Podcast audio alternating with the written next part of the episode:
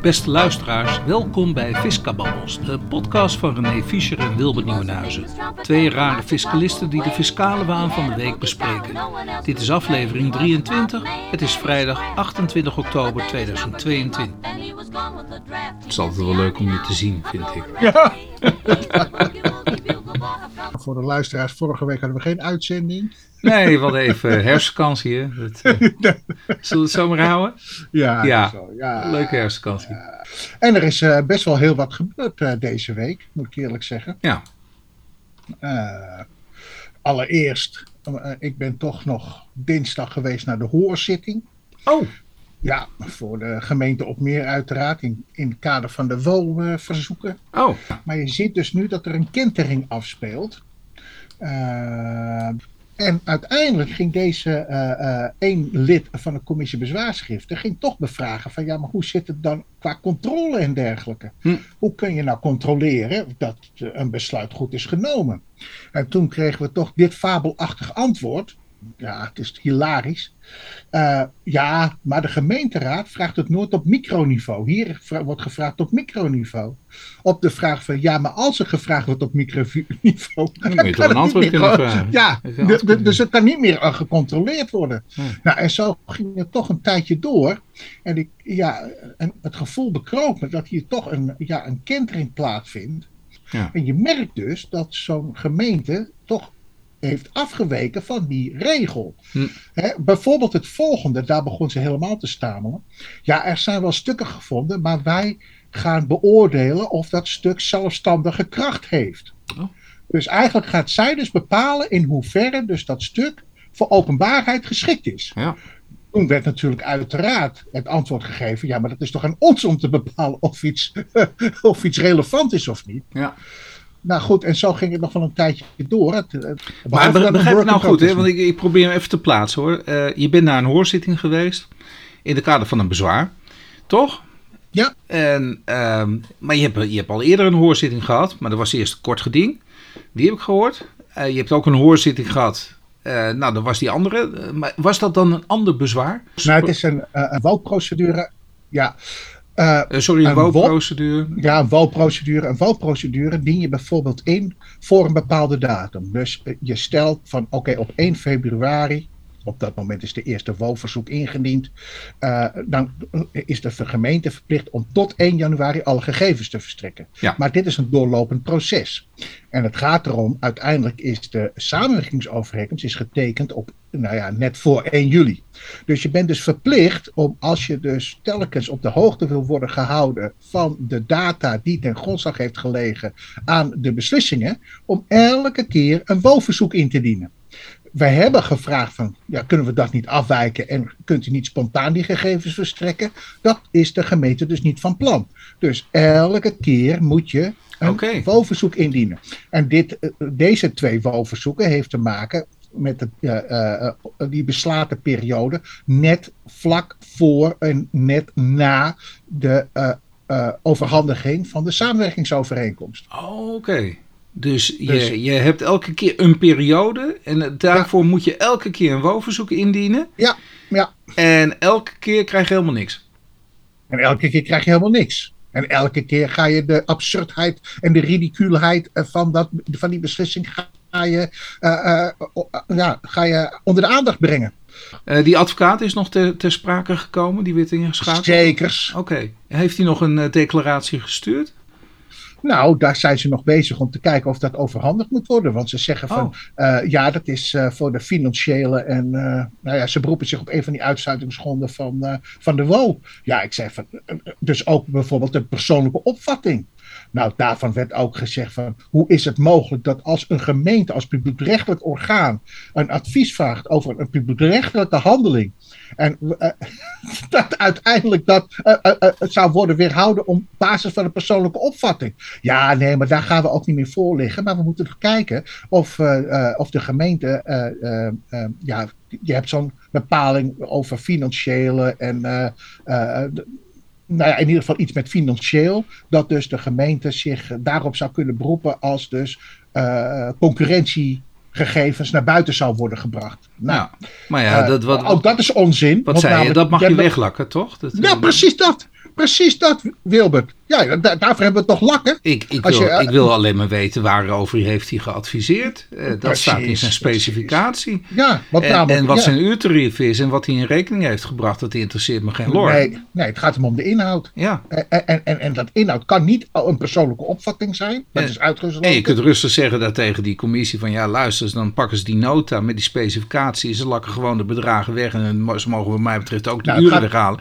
Als ik maar zie wat hij gedaan heeft. Ja, en dat dus is omschrijving. Dat is die omschrijving die. Uh, ja, maar ik zou ook de uurspecificatie willen hebben. Zeker, zonder, zeker. En dan hoeven niet de uren met het bedrag erbij, maar gewoon de omschrijving die erbij hoort. Ja. Nou, maar, de, uh, maar degene die dus in, dat, in die commissie zat, die stelde de juiste vraag. Die zeggen ook van, nou, u kunt toch wel aangeven in hoeverre u bereid bent om dit te overhandigen. U heeft al zo lang de tijd gehad. Ja. En als u dat niet zou willen uh, overhandigen, kunt u dat dat gedeeltelijk overhandigen. Ja. ja, zo makkelijk is het toch? U kunt, kunt lakken, u kunt allerlei mogelijkheden. Ja. Maar om het gewoon niet te verstrekken, ja, dat is, uh, dat is er eigenlijk ook uh, nat dan. Hè? Nee. Dus, uh, ja. Dat liet ze toch wel doorschemeren. Ja. ja, en vandaar dus ook dat ik zeg van ja, die gemeente had zich niet goed voorbereid. Dus op een of andere manier begint het toch niet te kantelen. Ze hadden eigenlijk weer eenzelfde soort zitting als de vorige keer verwacht. Ja, dat denk ik wel, ja. ja. Hm. Hey, wanneer, is de wanneer is de volgende welprocedure? Uh, ik denk uh, weer over, uh, over twee maanden. En dan weer over een andere periode. Want namelijk, we hebben nog steeds geen uitspraak gehad over de eerste. Dus daar werd ook nog even naar gerefereerd, ja. aan gerefereerd. Ja. Van joh, we zitten hier nu wel twee maanden later. Maar we hebben nog steeds geen uitspraak op de eerste. Oh, dat is vandaag. Ja, tuurlijk, jongen. Ja. ja, ja ze komen er niet uit. Want, ja, ik wil ook wel weten wat dat advies van die eerste is. En ik denk toch dat de gemeenschap, de inwoners van Opmeer, moeten weten hoe, hoe de gemeente in dit soort grondzakenkwesties handelt. Ja. Kijk, en nogmaals, Wilbert, het kan niet zo zijn dat zo'n gemeente op meer wordt geconfronteerd met slechts drie projectontwikkelaars die heel hoog woud mogen, of de gemeente op meer mogen bouwen voor de periode van 30 jaar. Dat is natuurlijk absurd. Ja. En dat onder het motto van, ja, we hebben zo lekker met elkaar, zo prettig met elkaar samengewerkt. Het is, het is echt vriend, toch... vriendjespolitiek. Ja, ja. Nou ja, dat, dat, dat zou je concluderen. Ja. Ja, ja. Ja, en, dan, en dan zeggen van nee, maar we, zijn, we gaan echt wel zakelijk met elkaar om hoor. Ja hoor. Echt wel zakelijk met elkaar om. Ja, alleen al dat, zo'n formulering, ja, dan, ga, dan, uh, ja, dan, dan zijn er wat, uh, wat nekharen die daar recht van overeind gaan staan.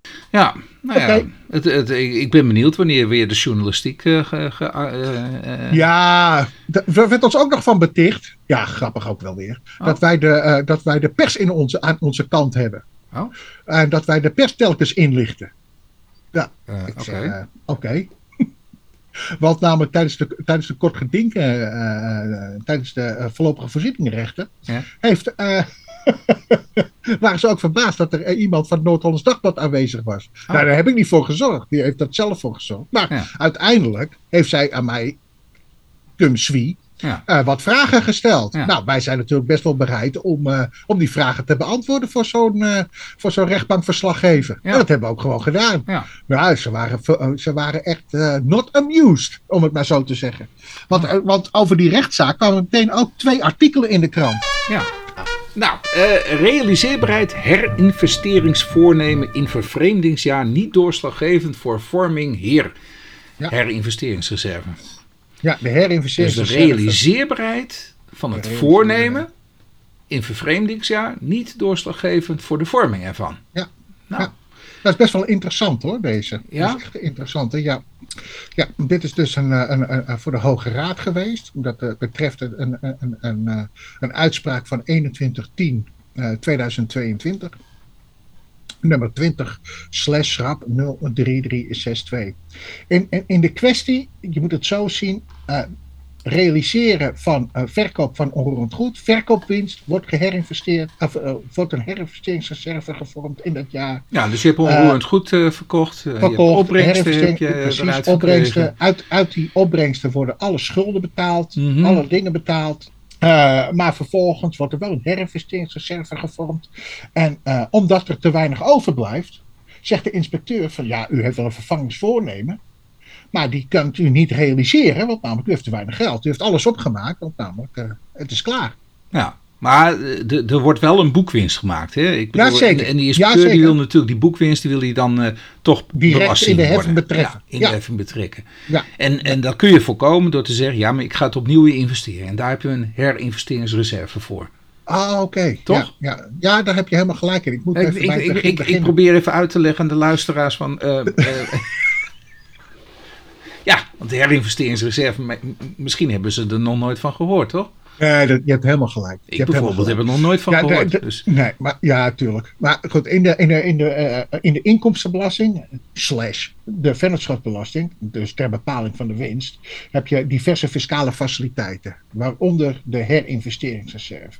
En op het moment dus dat jij eenzelfde soort uh, goed gaat kopen, is het mogelijk om die boekwinst, die je dus realiseert bij de verkoop van een uh, actief, activum, het uh, gebruiken om een nieuw goed te kopen. Nou, in dit geval. Zodat die winst dus nog even niet belast wordt. Nee. en, en overigens. Maar dan moet je wel een, voornemen hebben, natuurlijk, om dat te kopen. Ja, je moet een voornemen hebben om. en dat is ook het enige wat in de wet staat. Je moet een vervangingsvoornemen hebben of een herinvesteringsvoornemen.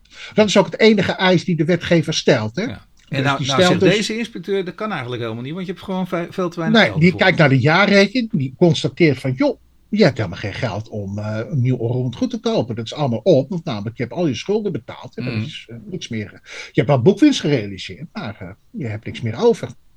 Nou, en daarvan heeft uiteindelijk ook, in navolging volgens mij ook van, van het Hof, heeft de Hoge Raad gezegd van nee, dat, zo, zo gaan we de herinvesteringsreserve niet uitleggen. we stellen dus van joh, je moet wel dat het niet realiseerbaar is, of kennelijk niet realiseerbaar is, dat is geen voorwaarde om niet de herinvesteringsreserve te vormen. Maar je moet wel een voornemen hebben. Ja, even, even, dan terug. Ik bedoel, uh, er geldt nog steeds dus een realiteitsgehalte. Er moet wel, dat voornemen moet wel reëel zijn. uiteindelijk, uiteindelijk wel. En de inspecteur zei, dat is het niet in het jaar dat die heer wordt gevormd. Precies. Uh, maar, zegt de Hoge Raad, we hebben een termijn in artikel 354 begrijp ja, van de en dat is drie jaar. En dat is drie jaar. En dan kan best zo zijn dat in die andere twee jaar, die er nog resteren, dat, dat, dat het best wel realiseerbaar kan blijken te zijn. Precies. Dus dan moet jij ook, je moet niet alleen dat, dat ene jaar nemen waarin dan die heer wordt gevormd, maar je moet ook dan meteen gaan kijken naar de toekomstinspecteur. Komt het daar Precies. Ja, ja, daar komt het okay. op neer. Um, want als het over drie jaar alsnog niet realiseerbaar blijkt te zijn, dan, dan valt, neem ik aan, die herinvesteringsreserve vrij, toch? Ja, ja, ik bedoel, dan betalen moet hij dan toch?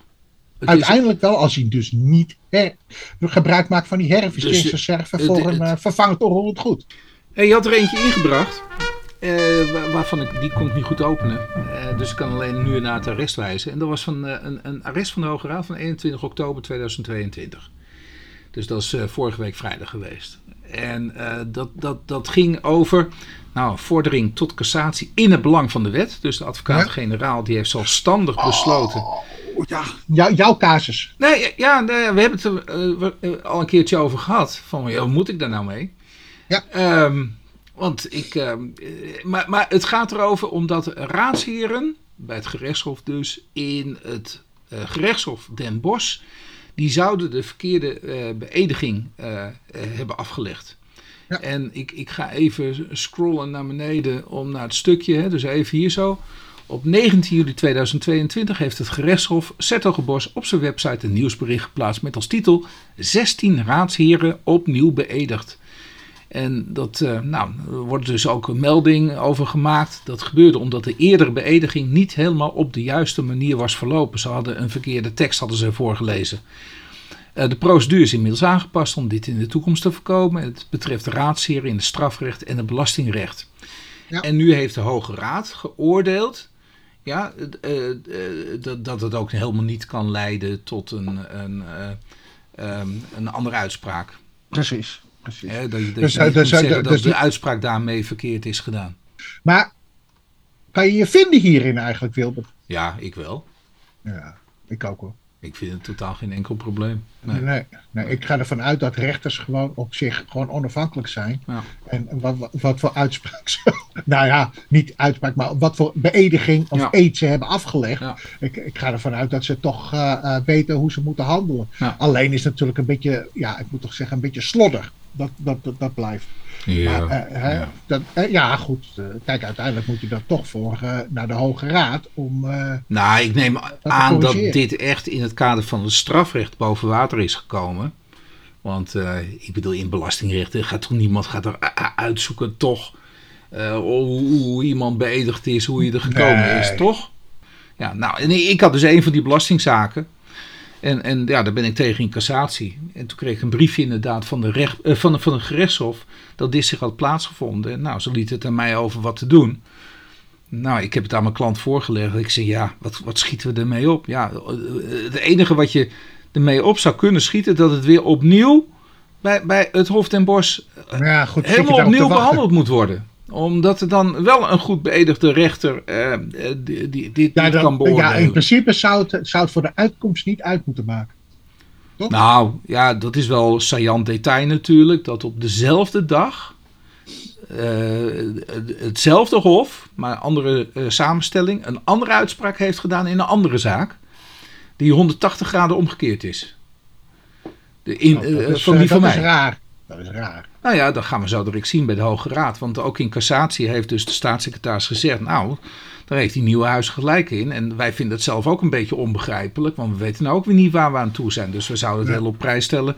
als nu de Hoge Raad duidelijkheid zou kunnen geven... van wat, wat zijn nou de criteria waar we- waaraan we moeten toetsen.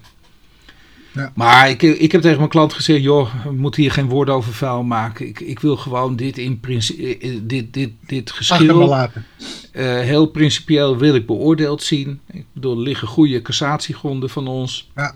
cassatiemiddelen. En eh, nou, de Ja, de eerste was toch al doeltreffend genoeg, eh, naar, eh, naar ik had begrepen. Nee, alleen de eerste is doeltreffend genoeg volgens de advocaat-generaal. Maar de Oh. tweede en de derde worden verworpen. Dus ik, eh, nou, het is nog best spannend dus. Ja. Oké, We gaan naar maar dit hebben we dan ook weer op. eh, op eh, ja. De schenkvrijstelling eigen woning stopt. Dat is Jubelton, hè, toch? ja, de Jubelton. Dat De stopt in Jubelton. eh, 2023, En- heb ik begrepen. En, Of, en, ja, en, 23. en nou, nou is de, de titel hiervan stopt, hè? schenkingsvrijstelling eigen woning stopt. Wat zijn nog de mogelijkheden? ja, en- voor- en- voor- Het is een, een eh, ja, wat is het eigenlijk? Een soort artikel? eh, eh, ja, het is kennelijk toch een artikel. Ja. voor degenen die nog denken: van joh, wat kan, ik, wat kan ik nou nog doen na de afschaffing van de Jubelton? ja, want de jubelton, wanneer, wanneer eindigt die? 2023. Dus, die, dus in 2022 kan het nog onbelast geschonken worden. Ja. Voor, en er kan onbelast geschonken worden voor personen tussen de 18 en 40 jaar. ja. En dat is dan een ton. En, eh, nou ja, Althans, we noemen het een jubelton, maar het is 106.671. hè? Ja, het is iets meer dan een ton. Ja. En maar, eh, maar ja, goed, in ieder geval, eh, eh, eh, kijk, de eerste mogelijkheid die zich aanbiedt is dat. eh, Maar daarna, Ja. daarna is het afgelopen. maar daarna is het gewoon afgelopen, ja. En wat, wat, wat heb je daarna dan nog? Wat hebben we daarna nog? Eh, eigenlijk wordt het dan wel wat. Eh, Dan wordt het karig, toch? Dan wordt het karig hoor. Dan wordt het karig. Ja. En, en, en, ik zou er wel een opschottende voorwaarde in, eh, in zetten. Dat als je niet gebruikt, dat je dan niet in de, in, eh, in de algehele schenkingsartikel valt. Maar dat je dan verplicht bent om het terug te geven. Als je dus niet op die wijze het geld aanwendt. Maar dat is even een tip van Teun. Ja, ja. De, nee, maar wat is dan de tip van Teun? Eh, je zegt, Dat, ik, dat je dus eh, een voor schenking het einde doet van dit jaar doe ik-. Ja, ja, doe ik een schenking. Eh, die doe ik in termijnen. Ja, toch? Nou ja, goed, in ieder geval zodanig dat je, dat je het spreidt. Hè, dat je voldoet aan die voorwaarden die, eh, eh, die daarvoor eh, zijn. Ja, hè, om, de, en, en, die- en om te dus, spreiden. dus Maar dat je er wel zorgt dat die schenking onder opschottende voorwaarden is. Zodanig dat op het moment dus dat je niet voldoet. Dat er dus ook geen sprake is van schenking. En dat het bedrag weer wordt teruggegeven. ja. Dus- hm. Hey, eh, VNO, NCW en MKB Nederland die eh, hebben even gewaarschuwd. Ondernemers die waarschuwen tegen gelijke belasting van winst en arbeid. Ja, ja, jij brengt het naar voren. Vertel eens. Nou, we hebben, er, we hebben het al vaker over gehad. Hè? Dat, uh, we hebben ook de commissie Boslab gehad. Ik weet niet of je die nog kunt herinneren. Die uh, heeft er ook voor gezorgd dat er gelijkheid moet komen tussen ZZP'ers en mensen die in loondienst werken. En, en, dat, en vandaar dus ook dat de zelfstandige aftrek wordt ge, ge, gekeeld. Je hebt een opstapje in de dividendbelasting. Nou, uiteindelijk maakt het niet meer uit. Althans, volgens, de, volgens velen deskundige, mhm. hoe jij uh, uh, je werkzaamheden inricht, of je een loondienst bent of ondernemer bent, je wordt op dezelfde wijze wordt jij in de belastingheffing betrokken. Ja. Hè? Nou, goed. Uh, veel douceurtjes heb je niet meer. Dus zelfs de andere aftrek die wordt dan naar beneden gehaald. Die MKB-winstvrijstelling wordt al uh, beperkt. de VOR wordt er al afgehaald. nou ja, wat hebben we nog meer voor een meewerkaftrek? Het ondernemerschap wordt niet aantrekkelijk gemaakt. Nee, en, en, natuurlijk ook dat opstapje in de dividendbelasting. Hè? Dus, dus onder de 60.000 is het nog, krijg je een bonus. En boven de 60.000 euro word je, nou ja, in ieder geval aan een hogere heffing onderworpen in de inkomstenbelasting. En dat zijn natuurlijk wel maatregelen die het ondernemersklimaat niet ondersteunen. Nee, Hè? verre van. Uh, nou, verre van. En daarvan heeft uiteindelijk toch dat VNO-NCW, ja, dat is toch eigenlijk een, een ja, zo'n lobbyclub waarvan je denkt van ja, waarom nemen ze het eens een keertje, wanneer nemen ze het eens een keertje op voor de ondernemers? Nou ja, in dit geval nemen ze het op voor de ondernemers en zeggen toch ook van joh, uh, dit is eigenlijk niet de bedoeling, want zo'n ondernemer die heeft veel meer risico en verantwoordelijkheid. Ja. En die zorgt ook voor dat mensen aan het werk komen, enzovoort, enzovoort. En daarvoor, je moet ook in, kunnen investeren. En op het moment dus dat je echt altijd maar probeert die winst af te romen, in de zin van, van, van, uh, van de regering, en afromen bedoel ik met, middels belastingheffing, ja, dan zijn we toch op de verkeerde weg. Want dan wordt eigenlijk het ondernemerszin wordt je ontnomen. Ja. En door de heffing, want er zit geen bonus meer voor je in. Ja. Ja, en ik denk dat we daar toch wel een punt uh, hebben. En ik mhm. ben ook blij met dit signaal van de VNO-NCW. Dat ze nu toch even ook die regering gaan aanzetten. Wat, wat, wat, wat zit er nou eigenlijk achter? Wat, wat, ik bedoel, waarom worden de ondernemers nu de dupe eigenlijk van al deze plannen? Dat is een goede vraag. Ik denk dat, uh, dat ik dan eigenlijk bij jou. Ja, ik, nee, ik weet het niet. Ik, ik, nee, maar het wordt nu opeens zo. Uh, ja, zo, zo hard worden ze nu op dit moment aangepakt. Nou, ik denk dat het, ja, ja, het gevoel komt bij me op dat uh, ondernemers natuurlijk tijdens die coronaperiode flink zijn geholpen met die uitstel van betalingen en dergelijke. Okay. Dus wij, wij, wij, Nederland loopt tegen een berg, ja, die heeft toch een berg schuldenlast. En de vraag is of dat überhaupt nog wel betaald kan worden. Heel veel bedrijven zijn in leven gehouden uh, door die uh, faciliteiten tijdens die corona. Uh, en dat wilde zeggen de uitstel van betaling, uh, de TVO, TVL. Nou ja, goed, uh, ik noem maar allemaal van, die, van dat soort faciliteiten, subsidies die verstrekt zijn. En dat moet toch terugbetaald worden op een of andere manier. Oké, volgende doorschuifverzoek. Conserverende IB-aanslag na keuzelegaat. Doorschuifverzoek conserverende IB-aanslag na keuzelegaat. En het is een uitspraak van de rechtbank Gelderland, 15 september 2022, nummertje AWB 21, schrap 4823. Nou. Ja, ja ik weet eigenlijk niet meer waarom ik dit... Uh, oh. nou, dat weet ik eigenlijk wel hoor. Oh. Het is een beetje gekkigheid natuurlijk. Ja. Maar kijk, kijk, dat doorschuifverzoek ja. Uh, ja, ik weet niet of mensen dat, uh, dat, dat, nog kennen, maar dat is best wel een ingewikkeld onderwerp. Maar het heeft te maken met conserverende IB-aanslagen, in dit, in dit geval in verband met overlijden. Mm. En waar het in deze kwestie om ging, uh, je hebt wie zijn erfgenamen en wie mag dus tegen zo'n aanslag geschil maken. En uh, het gaat om de, de doorschuiving. Dus, dus wat is nu in geschil? Uh, in geschil is of je uh, tegen een aanslag bezwaar kan maken. Dus, dus de erven mogen die dus dat verzoek bezwaar maken. En uiteindelijk heeft de, heeft de Belastingdienst dat verzoek afgewezen. En is niet ontvankelijk verklaard, omdat dus degene die bezwaar maakt niet gerechtigd is tot het doen daarvan, van bezwaar maken. Je hebt in de AWB of AWR heb je een groep van uh, belanghebbenden die bezwaar mogen maken. Nou, en in dit geval uh, wordt er gezegd, nou, even kijken, gelet op de verdeling. Ondanks de uitoefening van het keuslegaat, waardoor de kinderen gezamenlijk 99% van de conserverende aanslag in mindering is gekomen op een vordering jegens moeder, hebben zij er belang bij dat het uitstel wordt verlengd.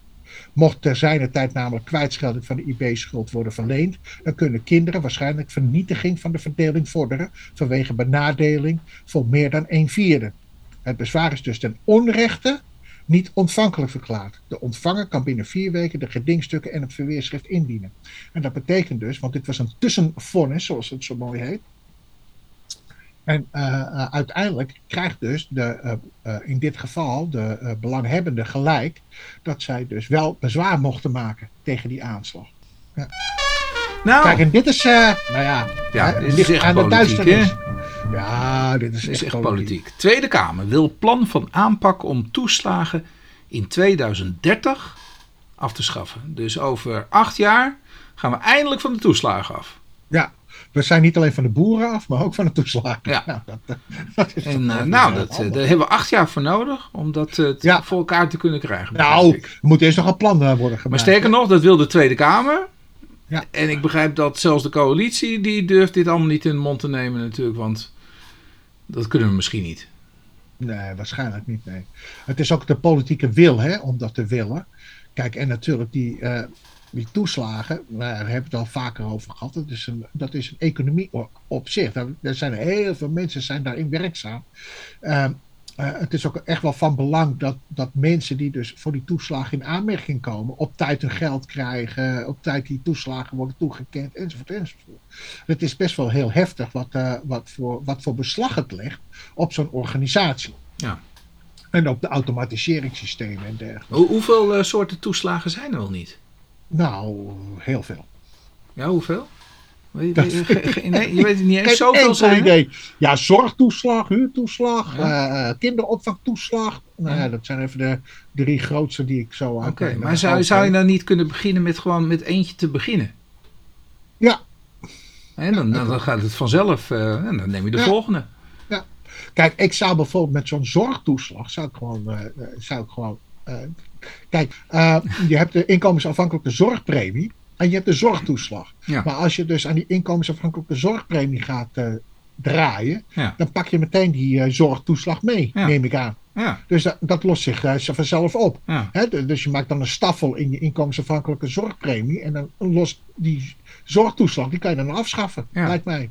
Maar goed, ja, ik, ben daar, ik denk daarin te simpel waarschijnlijk. Nou, zo kunnen we nog een paar ter hand nemen. Maar oké, okay, de, de staatssecretaris De Vries van Financiën de Vries, hè? Ja, niet vrij. Nee. nee. Dus kennelijk hebben we nog, uh, dat is die andere. We ja, ja, van Puffelen en, ja. uh, en die andere. Uh, nee, ja. Ja, van Puffelen was toch voor, voor de toeslagen. ja. ja. dat kan me nog herinneren. En dit is kennelijk de vervanger van Van Puffelen, of althans de opvolger van Van Puffelen. Nou ja, die. Dat is toch het staatssecretaris van Puffelen? Of zo'n mevrouw? Ja, dat mensen met het rare haar. Dat, Nou, ik weet niet of het een raar haar oh. heeft, maar... Ja. ja, er zijn wel meer mensen met raar haar. Oké. Okay. Zij zegt, uh, rare kappen dan. Zij zegt toe in december ja. 2022 met een procesbrief te komen. Waarin een plan Ja, geweldig. Ja, ja, ja, ja. ja. Maar denk je wat er in december 2022 gebeurt? Nee, Vlak wel... voor kerst. Ja. Vlak voor kerst, joh. Ik, ik zie het. Als die brief er komt, hè. Ja. Ja. Nou ja, oké. Okay. Nou, dan nog even een nota naar aanleiding van het verslag, hè, Belastingplan 2023. Wil, wil je daar nog wat over zeggen? Want ja, ja. Ja, kijk, laat ik het zo zeggen. Er zijn toch geen echte wijzigingen? Die is trouwens nota, echte, ja, maar er is wel een nota van wijziging, maar er wordt er wat, nou ja, wordt nog wel wat gerotzooid. Aangescherpt. Ja. ja, wat ik toch wel een dingetje vind, ja. dat is, ja, ze hebben toch een overgangsrecht voor die uh, giften gedaan. 4 oktober 2022. 4 oktober. Ja, uh, uh, die vaststellingsovereenkomst met die gebruikelijke loonregeling. Hè? Dus, dus, ja, die, die, die, grens komt eraf. Dus, dus ja, weet je, dat is ook alweer zo gek. Nou, daar moeten ze toch ook weer wat, wat mee doen. die werkkostenregeling, dat wordt verruimd. Maar dat is wel een dingetje trouwens. Oh. Dat, uh, ja, dat, dat dingetje is dus dat het dus veel vaker dus gebruik wordt gemaakt van die werkkostenregeling. Want dat wordt verruimd. Dus je krijgt ook werknemers die bijvoorbeeld uh, uh, een bijdrage willen in de energiekosten. Dat dat dus uit die verruiming van die werkkostenregeling wordt, uh, kan worden gefinancierd. Ja. Dus dat is best wel een, belangrijk. Ja, en dat kan, hè? want dat doe je dan helemaal aan het einde van het jaar. Kijk je of er nog wat ja. ruimte over is en dan gooi je hem helemaal in die 3% precies, voor je, gooi je vol. Ja, ja. dat vind ik wel ook een raar, raar iets trouwens hoor, vind ik, als ik heel eerlijk ben. Nee, ik, bedoel, ik vind het hartstikke uh, leuk en charmant om er gebruik van te kunnen maken. Ten behoeve van het personeel natuurlijk. Maar, maar ik vind het een raar, raar ding. Het, het heeft totaal niks meer met werkkosten. Uh, ik bedoel, werkkosten, dat, dat denk ik, ja, dat staat van tevoren vast. Die moet je gewoon maken, moet je gewoon voor vergoed worden. Maar dan gaan ze kijken of er ruimte is nog. En, en, en dan gaan ze allemaal douceurtjes geven door middel van die ik vind het eigenlijk een ja, beetje... Als, maar die als heel eerlijk ben, bij de, nogmaals, die rekening wordt wel bij de werkgevers neergelegd. Hè? Ja, maar ik vind het een beetje een oneigenlijk gebruik hè, ja. van, van, van, van, van, van een maatregel.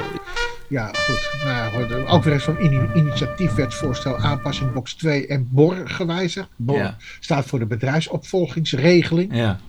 Ja, goed. Maar dit heeft toch geen kans geslagen, of wel? Dat hoop ik niet, nee. Okay. Nijboer weer. Was mijn Nijboer niet die uh, politicus die... Nee, uh, dat was die andere. Nee. Wel, wel? Ja, die zat toch in die commissie van... Uh... Oh, die ja. Ja, dat nou, klopt. Dat die uh, in de, nou niet de commissie stiekem, nee, maar gewoon in het uh, presidium. Andere, het presidium. Is dat in het en presidium? Die heeft toch, die heeft het toch verzorgd... Ja, nee, dat, Ariep dat, dat, aan de kant is geschoven. Dat, hij zijn collega... Ja, nee, maar hij kon moeilijk anders. Het was best zielig natuurlijk dat hij wel moest, stond met de rug tegen de muur. Hij kreeg gewoon van die, die rode wangetjes kreeg hij erbij als hij dat zei. Maar dat, dat zat in zijn gezicht, hoe dan ook. Daar kon hij niks aan doen. Wat bedoel je nou? Deze meneer die bloost heel erg. Ja, maar... Oh. Nee, maar ja, eh, op het moment dat je meteen begon uh, te ondervragen, dan begon hij meteen te blozen. Ja, ja maar dus, altijd, is, altijd als ik bij, is, bij, bij de P van de A, ik vind het, oh. ja, weet je, ja. ja, sorry dat ik het zeg, maar de, de ja. situatie uh, Ariep is natuurlijk ook verschrikkelijk natuurlijk. Maar ja. ik moet dan altijd denken aan zo'n nummer Maar die Van Dijk ook, dat is ook een verschrikkelijk. Ja, verschrikkelijk. En, en dan dat het partijbureau, de, de voorzitter, dat ze dan gewoon een, een, een uitspraak van een eigen uh, beroepscollege, dat ze gewoon zegt, ik ben het er niet mee eens. Nou, ik bedoel, hoe kun je ik, het in je hoofd ja, halen? Sterker nog, de opdracht is, uh, schrijf uh, dingen dat ik nog wel uh, ja, achter die schorsing kan staan. Ja. Dus, nou, oh, mensen moeten ze oh, toch meteen oh, aan de kant schuiven. Ik bedoel, dat, maar dat is toch Je zorgt gewoon voor je dat je partij naar onder gaat. Ja, maar het heeft toch te maken met je principiële veer hè, die je achter je laat. Ja, kijk, en dat hebben toch heel veel van die conventionele partijen hebben daar last van. Omdat ze toch uh, uh, ja, een, een, een, achtergrond proberen ze toch um, ja, te verlogenen. Ja, dat is een beetje een zwaar woord, maar ze laten dat wel los. Ja. Ja, ja, dit is ook. Ja, ja. even titel: um, een, een, nieuwe. Uh, op zitting gesloten compromis rechtsgeldig. Dus bij de rechtbank is er een compromis gesloten. Nou, daar heeft waarschijnlijk degene die daar in die rechtbankzaal, belanghebbende dus, die heeft er uh, uiteindelijk wat problemen mee dat hij dat compromis heeft gesloten. Ja, maar ja. Dat, ja, dat ja, is dan toch. Hij gaat, ja, hij gaat zelfs naar de, naar de Hoge en de Hoge Raad. Raad toe, ja. Oh ja, de uitspraak van, van de Hoge Raad van 7 oktober 2022. 21 schrap 05246. Maar dat is een 81 eurotje. Toch? Ja. Even kijken. Ja, 81 euro. En 81 euro uh, betekent gewoon, joh, Hof heeft goed gedaan. Ja, ja maar even, even, even de casus, uh, René. Uh, een DGA. Nou, eigenlijk, eigenlijk, eigenlijk wat je zegt. De DGA heeft uh, tijdens de eerste zitting, bij, in eerste aanleg, hebben ze een compromis gesloten. En uiteindelijk was hij het met de uitkomst niet eens, of met de financiële gevolgen. Ja. En, ging, en dacht bij zichzelf van, ja, weet je, ik ben het er niet mee eens. Dus ik ga alles in het werk stellen om, die, om dat compromisvoorstel niet rechtsgeldig te laten kijk, zijn. Wat er natuurlijk gebeurd is op die zitting en die rechters, rechters vinden het heerlijk als er een compromis wordt gesloten. Want dan ja, dan hoef je geen uitspraak te doen. Nou, nee, dat is, nou, nee, dat is niet zo. Ik, ik denk dat een rechter die wil graag dat de partijen in feite ophouden met procederen, dat ze geen ruzie meer met elkaar hebben. Eigenlijk is dit een beetje waar, waar een rechtbank dan een soort mediator-achtige positie inneemt. En dan zegt uh, meneer de inspecteur, nou, uh, bij u is er nog wel wat te halen, want het klopt niet helemaal wat u zegt. Maar belanghebbende bij u, u bent ook niet brandschoon, gaat ook niet helemaal lekker, toch? Dus voor, voor beide standpunten is wat te zeggen. Kunt u nou niet tot elkaar komen? We sturen u even de gang op. Ja, neem dat wat we nu net hebben gezegd, neem dat even goed in aanmerking. En misschien komt u er dan wel uit met z'n tweeën. Nou, en dan voel je je toch, hè, ik bedoel, dan moet je stevig in je schoenen staan natuurlijk. En ik weet natuurlijk niet of die DGA uh, uh, of, of, of die toen echt onder druk is gezet. Ja, want nou, druk onder druk gezet is ook weer een zwaar woord. Joh, je bent er toch zelf bij. Ja. En je weet toch dat dit kan voorkomen. Ja. Maar die zal zich vermoedelijk een beetje onder druk gezet hebben gevoeld. En die heeft gewoon later spijt dat hij dat compromis heeft geaccepteerd. Ja, jij vond dit... Ja, dat vond ik aan aardig. Nou, Belastingdienst transparanter. Wow, ja. speciale website voor kennisgoedstandpunt. Nou, kijk, kijk, laat ik het zo zeggen. Uh, voor, voor, voor de uh, individuele belastingadviseur is dat natuurlijk niet zo leuk. Hè? Want namelijk op het moment dat jij zo'n uh, een kennisgroep, een, een, een algemene een algemene uh, toelichting hebt gekregen op een bepaalde situatie, die voor meerdere situaties uh, van toepassing is, dan zou je die als adviseur kunnen uitwinnen. Hè? Hmm. Want namelijk, jij hebt die brief. En dat, dat wordt natuurlijk nu voorkomen doordat het nu op de website komt. Maar aan de andere kant vind ik het wel goed en overigens, dat is wel op vragen weer van diezelfde Nijboer, dat uh, kennisgroepen nu verplicht eigenlijk worden gesteld om hun uitlatingen, dus uh, wat, zij van bepaalde zaken vinden, uh, uitspraken daarvan, dat zij die dus nu ook openbaar maken. Dat komt denk ik wel het, de rechtszekerheid ten goede. Weet je wat het is? Dan krijgen we weer een, een bron erbij. Ja, ik bedoel, het is leuk voor de uitgevers natuurlijk. En... Ja, precies dat dus. Ja. Maar ik bedoel, we hebben natuurlijk ook de staatssecretaris die uh, diverse keren uh, mededelingen doet, oh, sorry, besluiten neemt. Ja. Ja, en, en die besluiten worden ook allemaal gepubliceerd. Vaak zijn die besluiten gebaseerd op datgene wat er in de kennisgroepen tot stand is gekomen. Uh, en, we, en we hebben natuurlijk al de WO. Ja. en, we, en door middel van de WO hebben we natuurlijk al heel veel kennisgroepstandpunten hebben we al gepubliceerd zien worden. Met wel heel veel weggelakte teksten continu. Maar dus, ik, ja, nou ja, oké, dan komt er dit ook nog bij. Hey, deze heb jij ingebracht en, en het zit op mijn vakgebied, en, maar je had er ook een vraag bij gesteld. Dus de titel En de vraag was? Nou, de eerste titel, wet implementatie richtlijn betalingsdienstaanbieders ingediend. Wet implementatie richtlijn betalingsdienstaanbieders ingediend. Nou, uh, nou, wat is dat? Ja, ik had een vraag gesteld, maar ik weet, wat, wat, wat, is dit, joh? En het gaat over e-commerce. Ja. Het gaat over uh, uh, belastingfraude. En, oh, je had wat, vraag nou, wat, wat, wat, is dit nu? Nou, dit ja, is wat, lekker, wat lost dit op dan? lekker weer een, een extra informatiebron voor de Belastingdienst om achter fraude te komen. Dat lost het op maar iets moet jij geven of zo? Ja, je moet nu. Uh, en, en dat geldt voor uh, nou ja, betalingsdienstaanbieders. Dus je zorgt voor een betaling. En een betaling vanuit het buitenland. dus dus uh, hoe zit dat nou bij grensoverschrijdende betalingen? Waarvoor worden die verricht? En waarom willen we dat weten? Omdat we graag, als er grote bedragen mee gemoeid zijn, dan kan het best zo zijn dat er een carouselfraude plaatsvindt.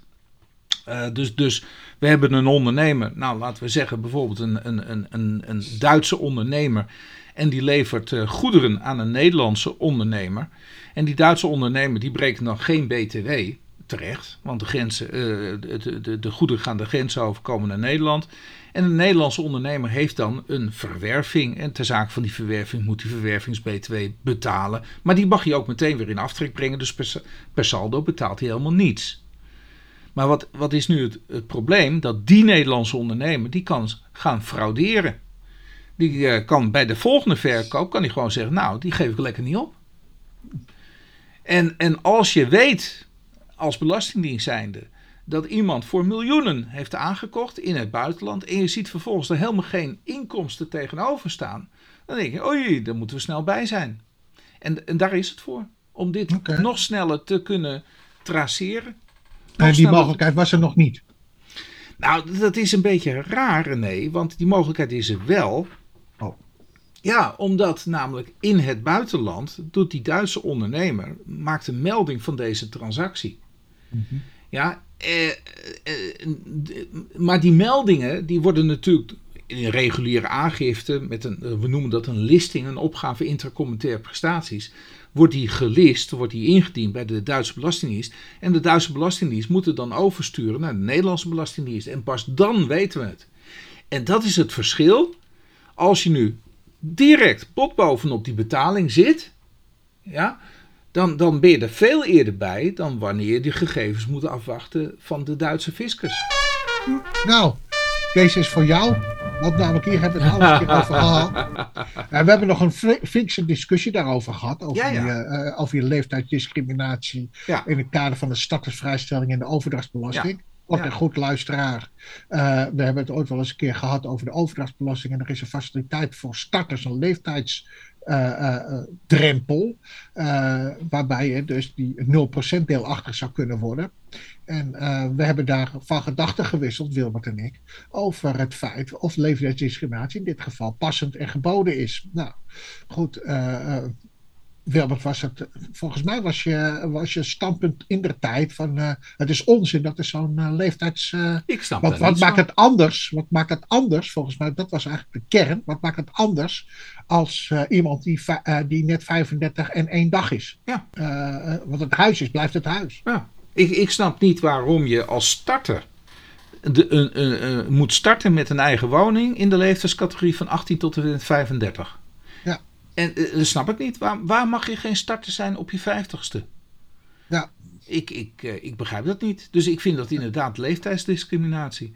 Maar ja, kijk, ik, ik verwacht niet van een rechtbank. Ik verwacht niet van een gerechtshof. Nou, misschien dan wel van de Hoge Raad. Dat, dat ze daar eens een keertje naar gaan kijken. Hè? Dat ze het aandurven om, om daarvan te zeggen dat mag eigenlijk niet. En ik denk dat dan dit ook misschien een van de, nou ja, de, de, de zaken zal zijn die misschien ooit een keertje daartoe aanleiding geven. Je moet Ja. toch een keertje ermee beginnen. Maar ik Ja. verwacht inderdaad niet van een rechtbank dat ze een wetgeving, eh, wetgever opzij zetten. Nee, nee. Maar ik vind. Maar eigenlijk eh, in het kort komt het erop neer. Oh ja, eh, rechtbank Zeeland, West-Brabant, die zegt, Ja. nou ja, dat mag. Eh, 30. 30 september 2022. eh, Precies. kenmerk BRE, BRE van Breda. 21 schrap 2381, dus 2381. Ja. Ja, jij had nog nooit van de IWOS gehoord, hè? Wel van de Nee. WOZ, maar niet van Ja. de IWOZ. Nee. En, en dan gaat deze. Nee, ik ook niet, joh. Eh, Geen verplichting gemeenten om in WOZ-zaken IWOZ-rapportages te overleggen. Oké. Ja. Ja. Ja, kijk, en de kwestie dat... dat, dat Ah, het is nog zelfs eentje van, van de Hoge Raad. Hè? Want wat is nou zo'n IWOS? En Ja. wat ik er nu van begrepen heb, dat is dus dat dat eh, eh, rapportages zijn van woningen die dus recent zijn verkocht, maar die niet behoren tot het vergelijkingsmateriaal. Is. Ah, joh, Ja, deze komt natuurlijk uit de black box, hè? Nou, inderdaad, ja. Kijk, en, en, en telkens krijg je dus steeds meer inzicht in, eh, Ja, eh, in de black box. terminologie. De black, ja, in die black box. de En black box die begint al wat box, grijzer te worden. Ja, dat, eh. Ja, ja, ja, ja. Nee, ja, Ja, kijk, maar ook de IWOS is een door de VNG, dus de Vereniging Nederlandse Gemeenten, samengestelde verzameling objectgegevens en foto's. Dat is ook zo gek, hè? Want we hebben de AVG. Ja. Dus ook kennelijk foto's worden opgeslagen van objecten. Ja, ja. Maar goed, kennelijk is. Maar, maar goed, ja, nou goed. Nee, de- foto's van de buitenkant. Hè. Wat dat betre- betreft eh, hebben we natuurlijk niet hier ingebracht. Maar eh, laatst stond in de krant. En dat haalde ook, denk ik, geloof ik, het nieuws, toch? Dat Ja, ja. mensen moesten eh, ergens, geloof ik, in Brabant was dat? Of Gelderland? ja, in een conglomeraat. Hè? Dus het was een, conglomeraat van gemeentes. Ja. eh, die, zich, en die moesten eh, foto's van de binnenkant van uw woning gaan insturen. En, ja, voor de badkamer en dergelijke. Om een beter beeld van de, van de prijzen te jongen, krijgen. jongen, jongen. Wat een meloot heb je toch ook, hè? Die Nou, die ik weet het bedenken. Die bedenken misschien, ja. Ja, maar ja, dat, dat, dat, dat kun je toch niet maken, joh? Dat, dat, is toch, dat kan toch niet? Ja, het lijkt mij toch een, een, beetje privacygevoelig. Het lijkt Maar- mij bu- buitengewoon, ja. Dus Ja. ik, ik, nou, de laatste. Nou, deze, ja, voor jou. De, is die voor mij? Hoezo? Oh nee, het is een IB-dingetje. nee hoor. Ja, Ja, het is ja een je, denkt, dingetje. ja, denkt natuurlijk Bouwkavel, ja. Ja. je leest bouwkavel. Denkt, oh, dat is Nieuwhuis. Die is met nee, bouwkavel het is een. IB-dingetje. Nee, nee, nee. Bouwkavel vormt geen woning in aanbouw. En Ja. het is van de rechtbank eh, Zeeland-West-Brabant. Hij is van 13 oktober 2022, dus lekker eh, vers van de pers. Ja. Bree 21, schrap 2053. Ja. Ja. Nou, en, de bouwkavel is geen, eh, geen woning. Nee. Nou, kijk, waar nou, het hier om gaat. Maar, Nou, dat Oh. hoeft niet logisch te zijn. oh, Kijk, het gaat erom of, of op die bouwkavel al aanvang is gemaakt tot het maken van een woning. Een eigen woning. Ja. En op het moment dus dat er nog geen enkele activiteit daarop is ge- eh, eh, heeft plaatsgevonden, mm, op, op, op dat moment, dan eh, is de stelling dat het dus een woning in aanbouw is, want daar gaat het om. Hè, woning in aanbouw, want daarvoor geldt natuurlijk ook een box 1 verhaal. Dat vervalt dan en dan verhuist dat die- van box 1 naar box 3. En voor zover je die bouwkavel dus niet hebt gefinancierd, eh, moet je dus daarover eh, eh, box 3 inkomen. Dus forfaitair- of fictief rendement, moet je daar eh, voor in aanmerking nemen. Tegen het hoge percentage op dit moment natuurlijk. Maar dat is, maar dat is hier niet het geval wat het betreft 2014, 2015. Ja, kun, kun je me nog heel e- even nog uitleggen wat, wat hier gebeurde? Dus die meneer die, die koopt een, een, een, bouwterreintje, een bouwkavel. Een bouwterreintje, ja, in dit geval van ProRail, maar dat is eigenlijk helemaal niet interessant dat ProRail dat ja. verkocht heeft. Nou, daar, daar wil hij dan een, eh, woning op gaan bouwen, toch? Daar wil je een woning op gaan bouwen. Eh, Maar blijkelijk eh, begint hij daar nog niet mee, want... nee, nee, hij heeft, hij heeft alleen maar de bouwkavel. Dat heeft hij. Oké. En vervolgens neemt hij de stelling in. Ja, maar hij dit is, een we hebben het over 2005. veer, ja, Nee, we hebben het over 2005. 2005, Koopt hij dat? Ja. Ja, en, en eh, blijkbaar heeft het, duurt het heel lang voordat hij met de bouw begint. Want in 2015 is hij nog niet begonnen met de bouw. Nee. Dus tien Nee, jaar later heeft hij Ja. nog steeds dat bouwkaveltje in zijn bezit. Maar hij is nog steeds niet begonnen met de bouw. Door wat voor reden dan ook. Want nou ja, eh, iets met de gemeente. nou, en ja. eh, een terugkooprecht. Maar in ieder geval is het- nou ja, oké, dat lukte dus niet. Maar hij was wel van plan. hij was het ooit van plan, maar er waren niet een concrete plannen. plannen hè? Dus de concrete plannen ontbraken. Ja, dus ook in 2015 ziet het er Kijk- voor hem uit. Hij kan er nog steeds geen woning op bouwen. Nee, nee. En, en, en vervolgens. En- en- en kijk, toch zegt hij heeft hem altijd vanaf Ja. 2005 kennelijk in box 1 aangegeven Ja. als woning in aanbouw. Ja? En op een gegeven moment heeft de Belastingdienst gezegd: Nou, dat eh, accepteren we niet meer. Ja. Hè? Is, eh, dat is geen box, box 1, ja. maar het is Maar nu box is het 3. box 3. Het is geen woning nou meer. Het is geen woning. Nou, heeft hij nog geluk gehad met al die andere jaren, toch? Begrijp ik dat goed? Ja, want namelijk, ja, dat, eh, de- die staan vast en eh, daar wordt niet op teruggekomen. Ja. En op het moment dus dat er wel plannen waren, dus stel, hij had een architect gehad, hij had, eh, god hoe heet het, maar bij de, bij de gemeente een bestemmingswijziging ingediend, Ja. en zo, dan was het wel een woning in aanbouw Ja, geweest. maar kennelijk is het nooit zo ver gekomen. Nee. Ja. Goed, hey, we zijn God, aan het man. einde gekomen, man. Ja, dan moet je weer gaan knippen. Het en waren er weer een heleboel. Ja, Ja. het waren wel een hoop. Ja. Ik, eh, ja, het was ook wel weer prachtig en er za- zaten leuke dingetjes weer bij. Mhm. wat minder leuke dingetjes. Maar ja, dat e-was en zo. En, dat, eh, en ook dat, dat ding van die BTW. Dat vind ik toch altijd wel weer bijster interessant. Want wat lost het op? Hè? Heel veel administratieve romslompen. Heel veel dingetjes. Eh, Ja, dat, ja. dat ik denk van ja, weet je, het is allemaal. eh, nou ja, goed. In ieder geval, aflevering 23 zit er weer op. Zeker? En eh, ja, we moeten maar kijken. Oh, sponsors! En luisteraars. ja, sponsors en luisteraars. Nou, nee, we ja, hopen- ja, we hopen op een sponsor eh, nu binnen te halen, ja. ja, ja. Ja. Maar ja, dat vergt nogal wat informatie van ons die wij niet weten. Nee. Dus mocht er dus mensen zijn die vragen, opmerkingen hebben, laat het ons weten. Ja, Echt. Eh, als je een onderwerp behandeld wilt zien in deze podcast. ja dat, graag. is, dat is wel leuk. Dus geen sponsor zoeken we nu, want die, die hebben we waarschijnlijk binnenkort, hoop ik. Ja, Nou ja, maar, als, maar als er iets is waarvan je zegt van nou besteed daar aan. maar het is wel leuk om eens een keertje reacties vanuit het veld te Ja. krijgen. eh, dat we die weer kunnen inbrengen.